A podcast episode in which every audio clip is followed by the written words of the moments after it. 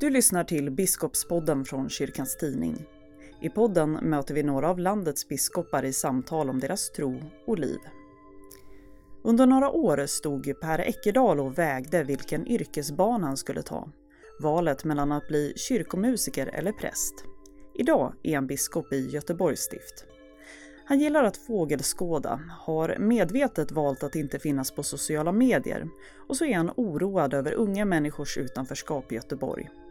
Det och om småkyrkorörelsens roll i samhället pratar biskopen om i det här samtalet som leds av Barbro Matsols.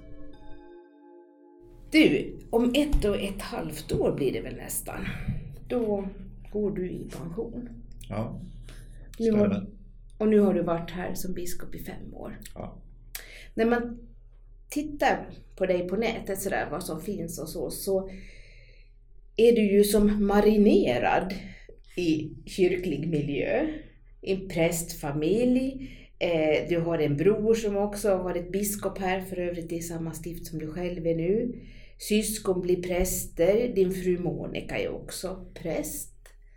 Vad har det här betytt för dig och din egen tro och andliga utveckling? Att ha det här med dig i uppväxten? Har det bara varit till glädje? Har det känts tungt ibland? Ja, först och främst så tror jag att ehm, ja, jag tänker ofta på min uppväxtmiljö och den prästfamilj som jag växte upp i med, med glädje och tacksamhet. Ehm, både för att det var en väldigt öppen miljöatmosfär och vi hade väldigt mycket människor som strömmade igenom hemma. Eh, men också för att det var den miljön där jag eh, fick leva i en, en naturlig eh, Ja man kan säga, du använder uttrycket marinerad. Mm. Jag fick leva ett vanligt liv som var marinerat med en väldigt naturlig gudstro. Eh, och det har betytt mycket för mig. Sen kan man nog säga att eh, det har också gjort att framförallt då eh, när jag på allvar brottades med vad jag skulle ägna mitt liv åt. Att jag kände ett behov av att väldigt tydligt komma fram till vad som var min väg. Det, det, var viktigt för mig att för egen del vara säker på att jag inte var någon kopia mm. av min uppväxtmiljö. Sen hörde väl också till bilden att min pappa var den första generationens präst i både mamma och pappas släkt. Så att det, jag har inte vuxit upp i en sån här prästdynasti. Mm. Det tror jag påverkade ganska mycket också miljön hemma. Mm. Hur prövade du då så att säga, om man kan säga då din kallelse, att det här var den väg du skulle gå? Hur, hur hittade du, hade du några förebilder som du, du ville vara nej, som, eller hur? Nej, jag har nog, på det viset så tror jag att jag, i varje fall medvetet har jag inte haft så tydliga förebilder. Varken förr eller senare. Jag har nog snarare på, i, i det sammanhanget varit lite egensinnig. Det har, det har alltid varit viktigt för mig att veta att det jag gör och är och står för är något som bottnar i mig själv. Eh, sen var det väl så att eh, jag, eh, jag har inte... Det är klart, jag lekte också som barn att jag var präst ibland. Jag vigde min, den syster som är närmast mig i ålder vigde jag med en stolpe hemma i prästgården ganska många gånger. och inte sällan när vi var hemma och de andra var i kyrkan. Vilket också signalerar att det, det, det fanns en väldig öppenhet på det viset i mitt hem. Annars var det nog så att det var teknik och bygge och sånt som jag var, tyckte var spännande när jag växte upp. Eh, och så var jag väldigt mycket ute och tittade på fågel. Mm. Sen, sen blev det så så småningom att eh, jag till slut gjorde ett, ett val mellan två konkreta yrkesvägar. Och det var präst eller kyrkomusiker. Och det tog ett tag, några år, där jag stod och vägde. Men till slut bestämde mig för att eh, det var teolog och, präst som jag nog skulle rikta in mig på. Ehm, och det var väl egentligen då som, som det här behovet blev starkt för mig att, att vara riktigt säker på att, eh, att det här var en egen kallelse. Eh, och det tog också ett tag och där, jag brottades eh, för mig själv. Jag tyckte det var underbart roligt att läsa teologi. Eh, men det var också, eller jag ska inte säga inte men, utan och. Det var också en hjälp för mig att för mig själv testa. Är det här någonting som bär? Är detta något som, som bottnar i, i mitt eget liv, eh, mina egna gåvor?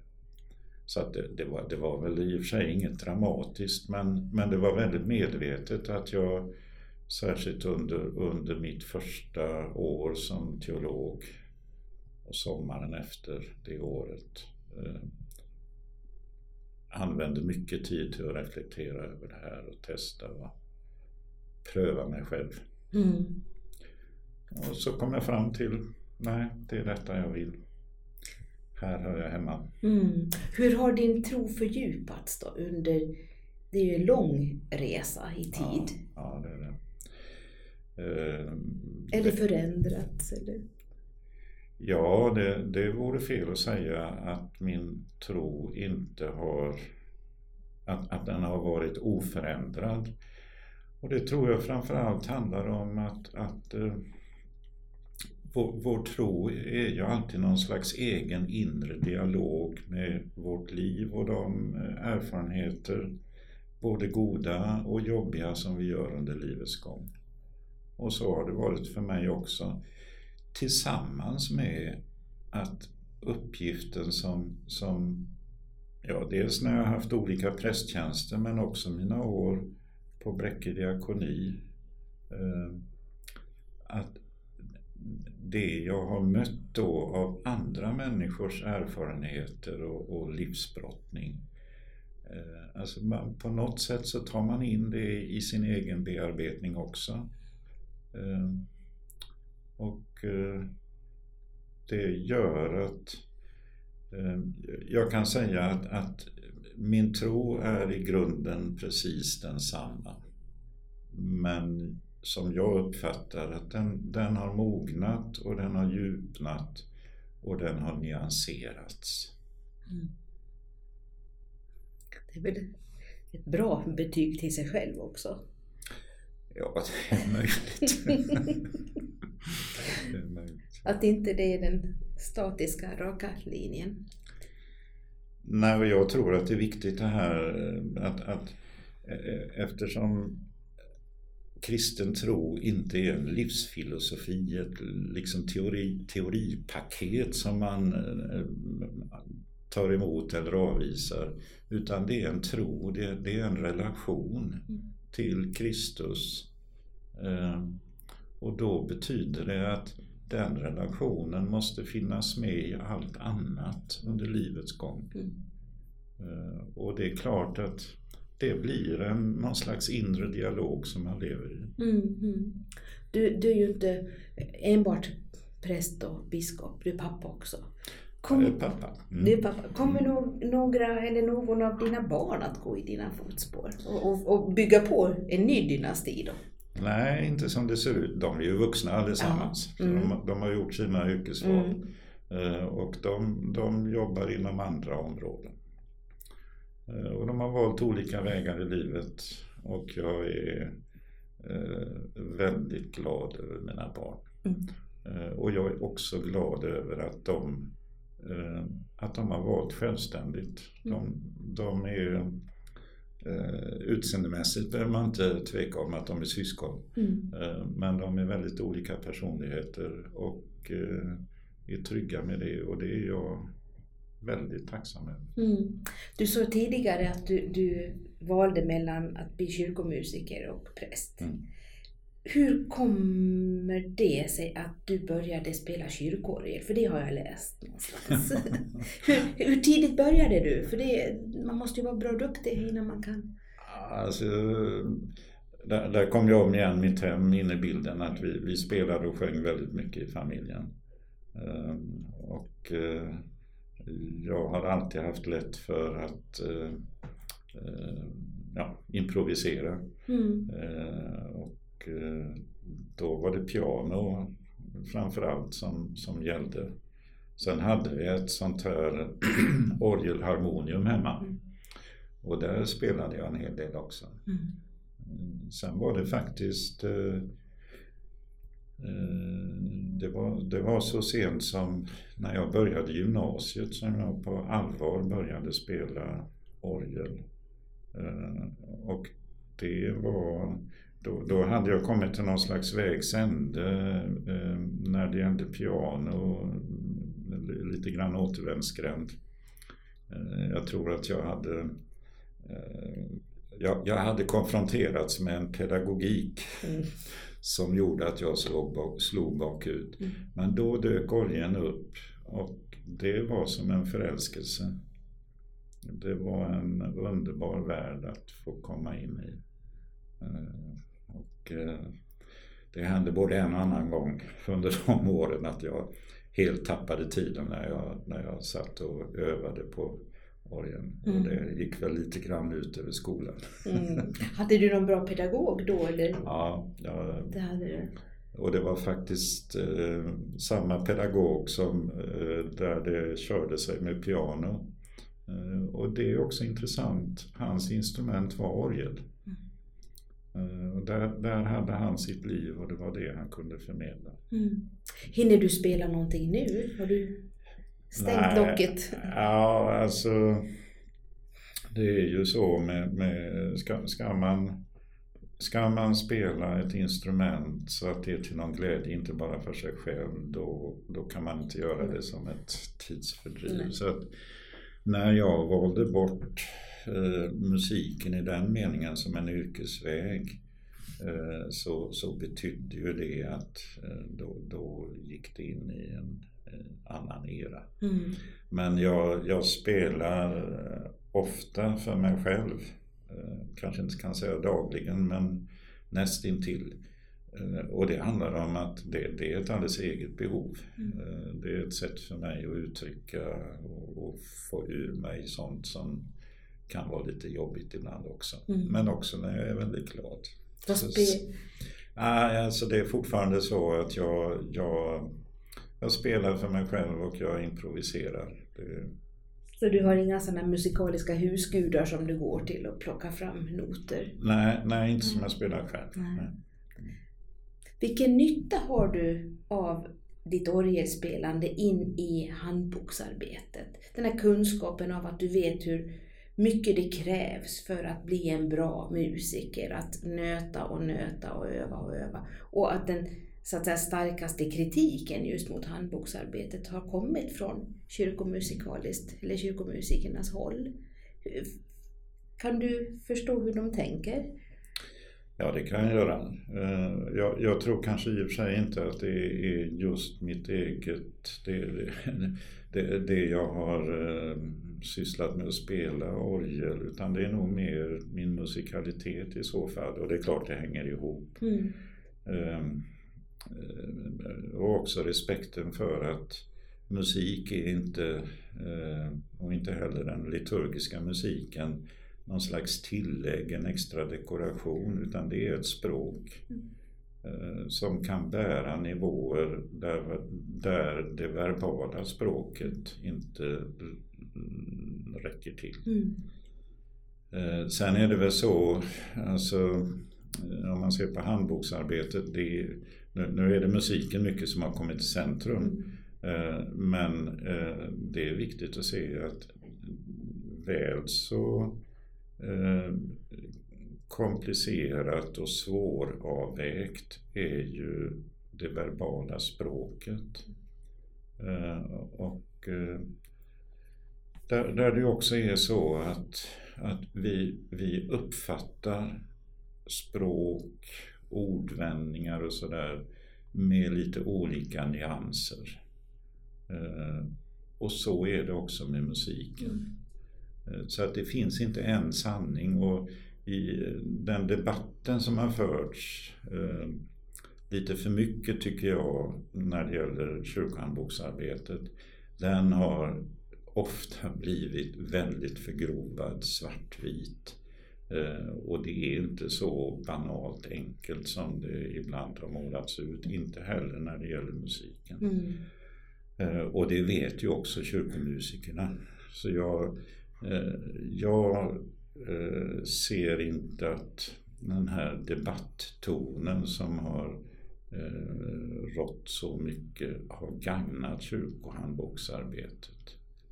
Eh, det är väl den ena reflektionen. Mm. mm. Den andra reflektionen är att eh, en kyrkohandbok blir aldrig en fullkomlig bok. Eh, den, den ska kunna fungera i så många sammanhang och under en längre tid. Och det gör att det, det finns alltid blotter och svagheter. Vi har nu eh, lätt glömt hur mycket debatt och diskussion det var eh, eh inför tillkomsten av 1986 års handbok. Mm. Eh, nu har den lite grann nästan upphöjts till gudomligt inspirerad skrift och även arbetssättet som då när det begav sig var oerhört kritiserat. Mm. Eh, och vi har kanske också glömt bort att förslaget, det slutliga förslaget till det som blev 86 års handbok stuvades om bitvis ganska radikalt under kyrkomötesbehandlingen. Mm. Och också i det sammanhanget så fanns det mycket kritik hur det gick till. Mm. Eh, men sen har det varit en handbok som har eh, gagnat oss väl. Eh, men den håller inte riktigt längre. Mm, mm, mm. Så kan det vara. Mm, mm. Händer det att du spelar när, när ni träffas i biskopskollegiet och, och, och, ni har någon andakt eller något sånt? Sitter biskop Per Eker då och spelar? Nej, jag har besparat dem från det. Nej, det har jag faktiskt inte gjort. Vi, det, det, är väl vi är eh, flera som, som kan hantera piano i varje fall. Så att eh, jag har hållit mig i bakgrunden. Men det kanske blir något nu på sluttampen då? ja, det får vi se. du, eh, du, är inte någon twittrare, men det är våran ärkebiskop. Hon gillar sociala medier då. Och eh, finns du överhuvudtaget med i de här sociala mediernas sammanhang? Nej, det gör jag inte alls. Eh, och det har varit ett medvetet val från min sida. Eh, när jag började som biskop så, så var det flera av mina medarbetare här som tyckte att det var viktigt. Eh, men jag sa nej tack. Och det då? Det, det, det bär ju mig emot säga, men möjligen att jag är lite konservativ på den punkten. uh, nej, jag tror alltså det, det, är inte uh, ett, det är inte ett media som passar mig, funkar för mig. Och dessutom så, så upplever jag eh, så upplever jag att jag har fullt upp med att kommunicera människa till människa. Och det är min, min, min viktigaste kommunikationsform. Mm. Eh, det här med sociala medier, när, när det blir riktat till, till väldigt stora grupper. För mig blir det mer ett sätt att kommunicera som jag uppfattar som att springa omkring med olika plakat. Mm. Mm. Eh, och ja, andra hanterar säkert det på ett bra sätt men för mig fungerar det inte. Mm. Nej, alla behöver ju inte vara där heller. Nej. Det är ju ingen naturlag. Det, det enda sammanhang jag är ute i på det viset är bara inom den eh, egna familjen på Instagram. Mm. Så de vet vad du har för dig? Ja, Mm. och jag kan se när barnbarnen hittar på roligt. Ja, ja. För du kommer inte att ändra dig, du kommer inte att gå ut på det här området. Nej, inte som jag ser det idag i varje fall. nej, nej. Hur diskuterar ni då i, biskopskollegiet om det här? Är, är det, har ni uppe diskussionen om, om ni själva ska vara med på sociala medier? Eller hur, hur gör ni som ni vill? Ja, alltså vi har vid något tillfälle samtalat om det. Mm. Eh, För det, det handlar ju också om hur, om man går ut i olika sociala medier, hur hanterar man det? Mm. Eh, Och, eh, så det har legat på det planet. Men där är det ju så att, att vi har gjort olika val. Mm. Eh, Och det är ingen diskussion om det. det. Mm. Det tänker jag det är ganska naturligt att man gör på det viset. Mm. Ni är olika som personer där också. Mm. När du en tid, eller ganska lång tid sedan, så skrev du en avhandling Ja, om småkyrka i storstad. Och häromdagen så var du med om och firade att Allhelgonakyrkan i Kortedala fyllde 60 år. Det är ju en riktig småkyrka, en av de första som byggdes med frivilliga medel. Mm. Och så ska ni ha mera nu, nu firande här i Göteborg. Eh, vad kan småkyrkorörelsen tillföra Svenska kyrkan idag? Är, är den fortfarande relevant? Det, där? Det, känd, var, det var ett bra tag sedan man Mm. byggde de här mm. småkyrkorna. Stadsdelarna såg annorlunda ut och så. Vad var... Berätta. Alltså när, när anledningen att jag skrev min avhandling som du nämnde Mm. eh, och det var, det var då i, alldeles i början på 90-talet som den blev klar. Eh, det var att jag satt i ett samtal med en av de lite äldre prästerna här i Göteborg som konstaterade att småkyrkorörelsen det är en överspelad strategi. Och eh, det tror jag var ett alldeles adekvat konstaterande. Att småkyrkorörelsen, precis så som den utformades, och då ska man också veta att här i Göteborg så var det en väldigt profilerad rörelse som ju också gav eh, många avtryck, som till exempel Allhelgonakyrkan som du nämnde i Mm. Kortedala.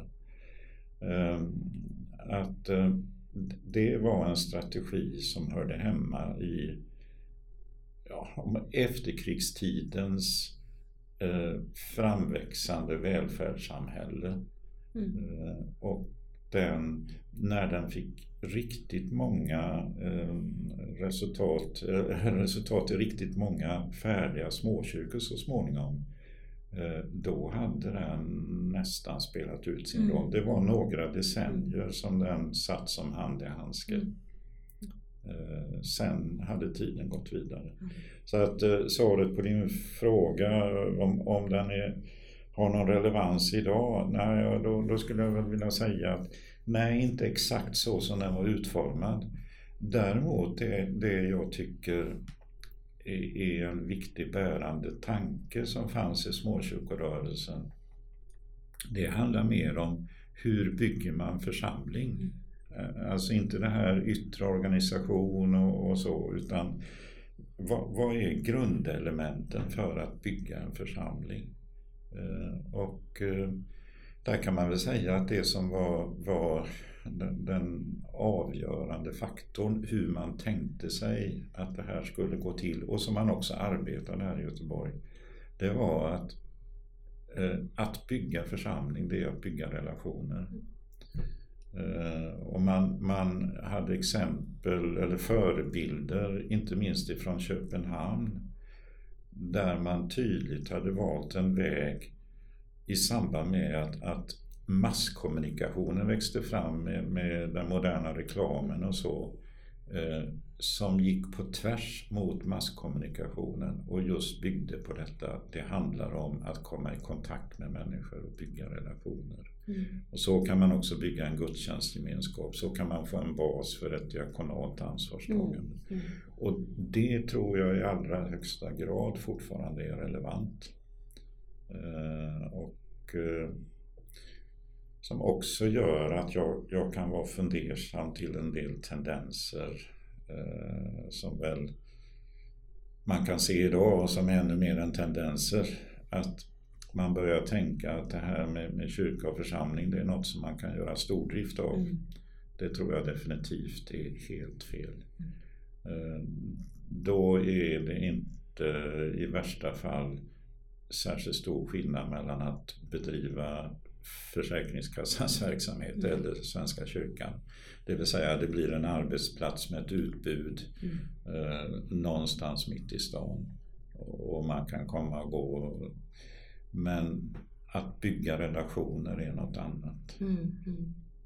Samtidigt så verkar det ju som om alla, alla pilar går mot detta med, med storpastorat och st stora enheter och den lokala, även om den lokala lilla församlingen är då, då identiteten för, för många av oss mm. så blir det det här stora, stora som man mm. Gestaltar.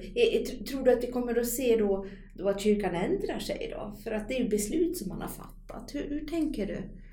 Alltså det, det är ju beslut som har fattats men, men som man kan hantera på olika sätt. Mm. Det tror jag är viktigt. Och jag, jag, tror också att eh, man kan inte göra likhetstecken och säga att ba, bara för att man har en stor, eh, ett stort pastorat eller i folkmängden en, eh, en stor eh, organisatorisk eh, utgångspunkt, att det behöver betyda att man tappar bort det här att bygga relationer. Men eh, svårigheten att hålla fast vid det kanske kan bli större och frestelsen att, att eh, börja bedriva församlingsverksamhet som om det är de anställdas utbud mm. till folk. Eh, så det, det, gäller att man är uppmärksam på vad man gör och, och hur man, eh, var, var man hittar fotfäste så att säga i sitt strategiska tänkande. Mm i en församling. Mm. Det kan vara risk att man slirar så man ramlar i diket ju. Ja, det, det, det tror jag. Mm. Så det, nej, ja, det gäller att inte tappa bort liksom, grundläggande greppet i eh, hur man tänker sig. Och då är man tillbaka till det här som var den, den utlösande frågeställningen för småkyrkorörelsen. Mm. Hur bygger vi en ny församling? Mm. mm. Eh, det, det, som också var en viktig faktor för småkyrkorörelsen och som jag tror är viktigt att vi inte tappar bort idag. Eh, det är kombinationen, ja det handlar om att bygga relationer men också att bygga relationer inom en stadsdel, inom ett område. Där, där finns en, en tillgång i Svenska kyrkans tradition som vi nog har, eh, och det gjorde jag också i min ungdom, eh, varit lite vårdslösa med. Alltså det här, det som vi kallar för det territoriella församlingsbegreppet. Styrkan med det, det är ju inte att vi skulle tro att det är, är säga, området som är församlingen. Utan det är att vi bygger relationer i ett lokalsamhälle. Eh, och att vi inte frestas att, att bygga församling där det av socioekonomiska eh, orsaker är lättast. Mm, mm. Och det är en sak som är, väldigt lätt att se betydelsen av, inte minst i en stad som Göteborg som är så segregerad. Mm, mm. Också detta att människor idag väljer var de vill, var de vill ha sin så att säga, kyrkliga hemhörighet. Eh, I Stockholm har vi ju Klara, Klara kyrka. Mm. Klara, som, det är ju nästan ingen som bor där. Men, men man kommer från hela stiftet och är, är där och delar gudstjänstgemenskap och så. Och eh, då reses ju frågan ofta då, skulle vi inte skrota det här med det territoriella församlingsbegreppet? Mm. Är, är, vad säger du där? Ja, det är möjligt om du hade ställt den frågan till mig eh, när, när jag var teolog och student att jag hade kanske sagt ja, det kanske är dags. Mm. Eh, idag säger jag nej, definitivt inte. Eh, och det handlar just om det här att vi, vi, får inte, vi får inte frestas att bli en medelklasskyrka. Vi är redan det i alldeles för hög mm. utsträckning. Mm. Eh, men det som ändå är ett korrektiv för den lokala församlingen det är att man är satt att tjäna kyrkan just inom ett konkret lokalt samhälle. Eh, och, och, för mig har det blivit viktigare och viktigare. Och om man återvänder till, till Göteborgs stad som exempel.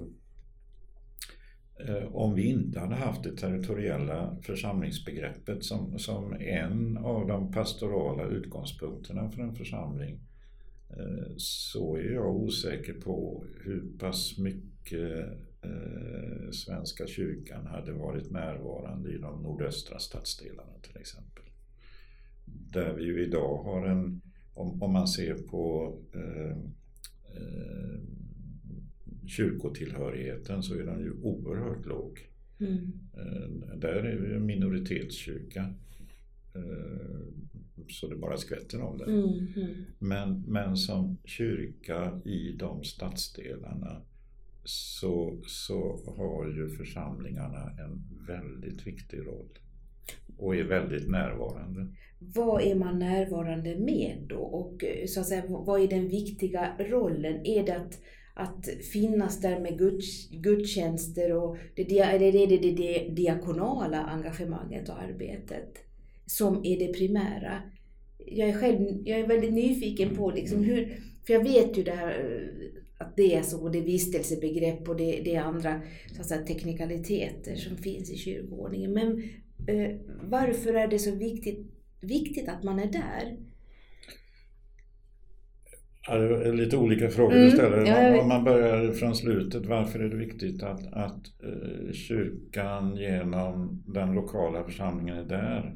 Ja, det handlar ju för mig om att där lever väldigt många människor i en stor utsatthet. Eh, och eh, med, ett väldigt högt tryck om man säger så. Eh, och där, där finns där, där, finns många olika parallella samhällen egentligen.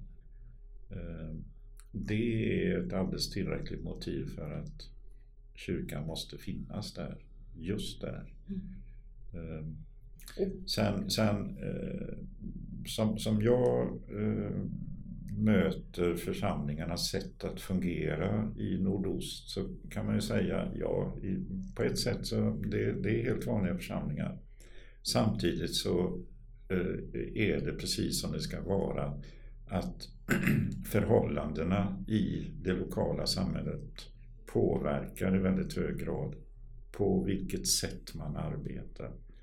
Eh, det, man kan inte säga så att det, det, är bara gudstjänsterna som är viktiga. Och man kan inte heller, absolut inte säga att det är bara det diakonala eh, utåtriktade arbetet som är viktiga, viktigt. Utan det är kombinationen av det här. Eh, och det innebär att kommer man till en, en söndagsgudstjänst, en, en högmässa i Bergsjöns kyrka till exempel, Eh, så har den en väldigt speciell karaktär. Inte minst genom den, höga delaktigheten av människor med alla möjliga olika kulturella och språkliga bakgrunder. Eh, det som också är märkbart i, i flera av de här församlingarna det är att, att vi har ju många eh, med ortodox tillhörighet och bakgrund och tillhörighet som också finns med väldigt aktivt i Svenska kyrkans lokala församlingar. Mm. Eh, och det är inte så att de har övergivit sin ortodoxa eh, bakgrund och tillhörighet för det är en del av deras identitet. Eh, men man lever med det samtidigt som man är, aktiv och närvarande i, Svenska kyrkans församling. Och det, här den här delaktigheten och, och eh, prägen som det sätter på gudstjänsterna är väldigt påtaglig. Mm. Och där man också i församlingarna har förmått att integrera det här. Mm. Och det hänger ihop med Eh, det ansvarstagande som man har utåt och den öppenhet som man har mot människor eh, med deras olika problem som finns där. Ett exempel på det här var på, på öppenheten och, och, vilken betydelse församlingarna spelar som någon slags social plattform i, i eh, de nordöstra delarna av Göteborg. Det är en kväll när eh, när, när jag... Det, det var när eh, IS hade börjat härja som mest i, i eh, Irak. Och eh, om jag minns rätt när Mosul hade fallit eh, så åkte jag till Hjällbo där, där det finns många med eh, sitt ursprung i de delarna av Irak. Eh, kristna då. Eh, och det här bestämdes på eftermiddagen och när jag kom dit på kvällen så var det fullt hus. Och det som... Eh, där fanns väl lite olika förväntningar. Ibland tror man att eh, en biskop kan göra nästan vad som helst. Men det viktigaste var väl att de, de fick dela med sig av sina berättelser och sin oro och vad de fick för rapporter hemifrån. Och vi kunde samtala om det här tillsammans. Mm. Mm. Och för dem så just då i den stunden så gjorde det skillnad. Mm. mm. Och då kom du till andra kristna så att säga. Ja, men, i, i, det fallet. Ja. Fast det fanns också muslimer. Mm. Men hur, hur, ser det ut annars här? Det vi hör som inte bor här i Göteborg, det är ju mycket med de här gängkriminalitet och dödsskjutningar och att, att det har blivit liksom bitvis en farlig stad att vara i då. Finns, finns kyrkan närvarande där med något samhällsengagemang? För jag tänker det, det är ju en sak att, att möta människor av tro, mm. men, men att möta eh, den här råa mm. kriminaliteten. Mm. Har, har ni några kontaktytor innan de sitter bakom lås och bom, eller hur? Ja, det har vi eftersom många av de här ungdomarna eh, innan de hamnar definitivt snett så har de ju, de finns ju med i, i bland ungdomar i stadsdelarna. Och där, eh, i, i, många av de här stadsdelarna så har ju församlingarna då ett, ett väldigt brett kontaktnät. Mm. Så att, nej men visst finns det kontakter. Mm. Sen, sen det här med de här parallella samhällena som jag nämnde, det betyder ju också att eh, de, de kriminella gängbildningarna är ju som en sorts parallellt samhälle. Mm. Där man förlorar kontakten och det gäller ju både kyrkan och deras familjer. Och, mm. Så att det är ju väldigt svårhanterligt och ett liksom pågående trauma. Mm, mm. Och det måste vara, vara som ett Sisyfos-arbete, att så fort man har fått upp stenen så ramlar den ner igen lite grann. Ja. Det är liksom svårt att se något slut på. Ja, det är det. Mm. Och sen är det klart att det, det, det är också frågan om det, det, ungdomar kan uppfatta som lättförtjänta pengar. Att mm. kunna skaffa sig eh, dyra grejer mm. som de inte kan Eh, allt annat går så långsamt. Och, och det finns ju också en känsla av hopplöshet hos många av de här ungdomarna. Att man inte kommer in i det svenska samhället. Eh, och det där, ja det är ju inget nytt men det är ju verkligen en, en orsak till självrannsakan för oss som samhälle. Att vi, vi har haft så svårt att komma från, från ord till verkstad när det gäller att, att göra det lättare för människor oavsett bakgrund. För det, det här är ju ett problem också för ungdomar med, med eh, rejäl svenskt, urs, rejält svenskt ursprung. Eh, om man inte har, kommer ifrån rätt sammanhang och, och med, med, tillräckligt stabil eh, familjesocial situation bakom sig, att det är svårt att komma in i samhället. Mm. Och det som är det definitiva sveket av samhället idag, eh, det är ju dels att man har schabblat bort skolan som miljö. Eh, men inte minst bostadspolitiken. Hur det här har kunnat fortgå år efter år och man bara pratar snömos, det är fullständigt skandalöst och oförsvarligt, mm. anser jag. Eh, och det, det, man kan konstatera idag är att unga människor som inte har föräldrar med ekonomiska möjligheter som kan köpa lägenheter och så, de, de är ju ställda. Mm.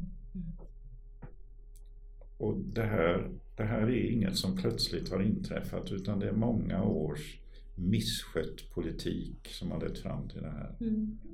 Eh, jag, blir, jag, jag blir lika upprörd varje gång jag kommer in på det här. För det, det, det, det är fullständigt oacceptabelt. Eh, och varje, varje, med jämna mellanrum så kommer man med olika politiska utspel. Eh, och det får lika lite genomslag varje gång. Mm. Du har ju sagt att kyrkan måste vara politiskt engagerad. Ja. Är, är det här området då som du tycker att man borde gå in tydligare och, och, och göra sin röst hörd? Så, och, och, också hur undviker man då att hamna i det så att säga, partipolitiska diket? För det kommer ju mm. Snabbt. Mm. Ja, alltså för egen del, jag har aldrig varit partipolitiskt aktiv. Men jag har alltid varit politiskt engagerad. Eh, och för mig så, så är det ofrånkomligt som kristen att inte också engagera sig i politiska frågor. För politiska frågor det handlar ju om hur vi lever tillsammans som samhälle. Eh, och utgångspunkten för mig då, det är ju ansvaret som människa för våra medmänniskor. Det handlar om människosyn. Eh, det handlar om att, att vara Guds medskapare i denna skapelse. Eh, och så fort vi kommer in på de frågorna så är det politiska frågor. Eh, partipolitik, ja, det är när, när det demokratiska systemet tar hand om de här frågorna. Mm, mm. Mm. Men eh, när det gäller de politiska partierna så föredrar jag att deklarera total trolöshet. det var sympatiskt drag. Du, eh, tro, trolöshet har du inte varit när du var, var på Bräcke, för där var du direktor i 18 år. Mm. En lång tid. Mm. Eh, har du någonsin ångrat, får jag säga så, inom citationstecken, att du lämnade Bräcke eh, och ställde upp och blev vald till biskop. Alltså, det måste ju ändå vara väldigt olika eh, typer av eh, arbete. Ja, det är det, även om det, det för min egen motivation är egentligen inte så stor skillnad. Men, men det är väldigt olika arbete och olika arbetsområden och olika förutsättningar för, för det ansvar man har. Ehm, nej, jag har inte, jag har inte ångrat att jag lämnade Bräcke. Och faktum är att eh, det, det, det, fanns aldrig någon koppling mellan att jag lämnade Bräcke och att jag blev biskop. För jag under tre år från det att jag lämnade min tjänst som direktor eller VD för Bräcke diakoni eh, så var jag arbetande styrelseordförande för Bräcke. Mm. Och där fanns en plan att jag skulle fasa ut eh, och jag hade väl tänkt att ägna mig åt lite forskning och så. Mm. Eh, när detta med biskopsvalet dök upp. Mm. Eh, och det var ju, ja, som, som det är med, med biskopsval, att det var inte min planering. Mm. Men eh, eh, jag kom fram till, efter att ha diskuterat det här med min fru att jag skulle ställa mig till förfogande. Men jag sa redan då, och det kan jag säga fortfarande, att jag hade inte blivit någon olycklig människa om jag inte hade blivit vald till biskop. Eh, för, för min tanke var en annan. Mm, mm. Sen är det ju... Ja, alltså... Jag såg ju en kallelse i när jag eh, fick tjänsten som chef för Bräcke diakoni. Och jag såg en väldigt tydlig kallelse när jag blev vald till biskop. Mm. Och då får man gå. Mm. Mm. Och eh, det är ju de här åren jag har varit biskop som ju inte blir så rasande många. För jag tyckte också att jag kanske var lite väl äh, ålderstigen när jag blev vald till biskop. Mm. Men ja, det var, det var som sagt inte mitt val. Mm. Det är andra som fick ta ansvar för det. Mm. Men, men det här är ju väldigt meningsfulla år. Mm. En viktig uppgift. Och den, ja, Mm. Det är inte så hemskt lång tid kvar. Nej, det gör inte det. Men jag är väldigt glad över det jag står i. Mm. Jag måste bara få fråga dig också om, det här med, Bräcke Mm. och den debatt idag. Nu har vi varit inne redan på, på vad säger, socialt utanförskap och, och bostad, bostadsbrist, skolans Mm. kan man väl säga misslyckande då att, att eh, ge, ge ungdomar en, en bra start i livet. Eh, eh, Hur ser du på dagens debatt om vinster i välfärden? Det är ju, det är ju en annan sån här, så Mm. att säga, politisk fråga som Ja. i svung. Nej, och där kan jag väl... eh, Alltså jag, jag tycker att det är en viktig fråga, en viktig debatt. Men jag tycker att man är väldigt valhänt när man ska ta sig an frågorna. Att man eh, om igen gör det lätt till någon slags plakatpolitik. Mm, mm, Eh, Som, som jag ser det så är det i och för sig inte vinster som är problemet. Utan det handlar om vad, vad har man för drivkraft för att bedriva vård eller omsorg eller skola. Om drivkraften är att man ger sig på ett sånt här område och lika väl eh, utan att sörja hade kunnat ge sig på att producera glass eller bilar eller vad du vill. mm, Där, där det enda som, som styr är eh, vad det är för bransch där man räknar med att kunna få så snabb utdelning på sitt kapital som möjligt. Om, om det styr in på en eh, välfärds, ett välfärdsområde, då är man fel ute. mm, mm. Eh, Men det finns, det, det finns ju inom, inte minst inom sjukvården så finns det ju en väldigt lång tradition på verksamheter där man har genererat vinst. Mm. Och det är det som man brukar kalla för professionsdriven verksamhet. Mm. Läkare eller sjuksköterskor eller sjukgymnaster eller vad det nu är som har drivit eh, sin egen verksamhet. Eh, och man har gjort det därför att man är engagerad för, eh, utifrån sin profession. Mm. Men man har också behövt vinst därför det är det man har levt på. Ja, precis. Eh, Så att eh, ja, det är något annat instrument som man skulle behöva och, och det jag tycker är, är det avgörande det är ju egentligen vad är det för kvalitet man levererar. Mm. Eh, Och där kan jag också vara kritisk till hur man i, i, i politiken hanterat det här men också inte minst i de kommunala förvaltningarna. Eh, Och det tydligaste exemplet är kanske äldreomsorgen.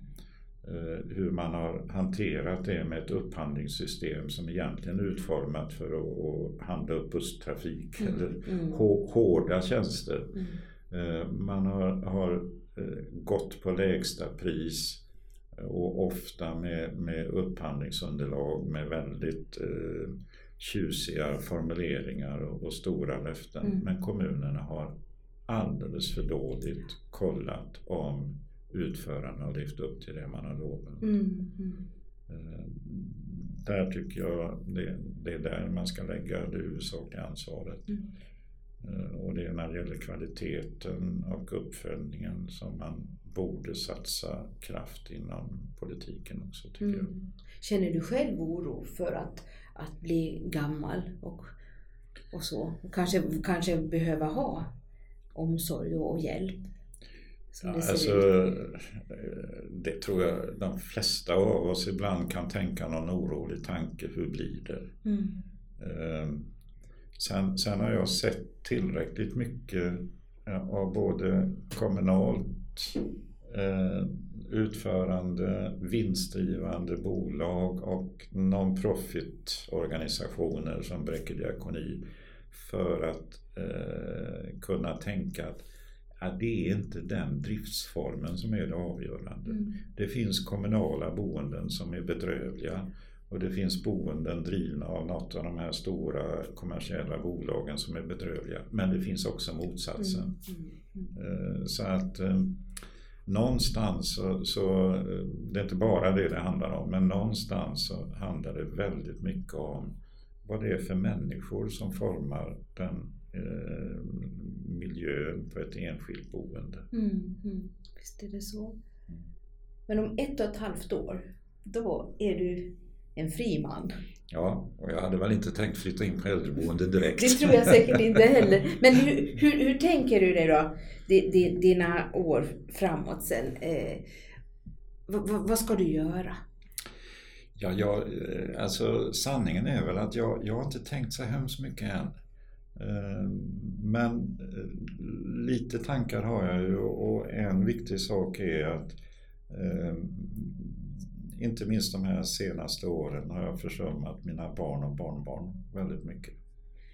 Eh, så jag hoppas att jag ska få lite mer tid. Ehm, sen eh, hoppas jag kunna läsa och skriva en del. Eh, jag hoppas kunna komma ut mer än vad jag gör idag. Skåda fågel. Till exempel. Mm, mm. Men du blir ingen som kommer att sitta begravd liksom, i någon ny kyrklig utredning då? Att man säger nu är han ledig. Hugg honom innan han hinner. Nej, det är i alla fall inte vad jag har planerat. Sen är väl eh, erfarenheten från livet att det blir sällan riktigt som man har planerat. Mm. Så kan det vara också. Ja, ja. Tack så mycket för samtalet Per Ekedal. Tack. Tack.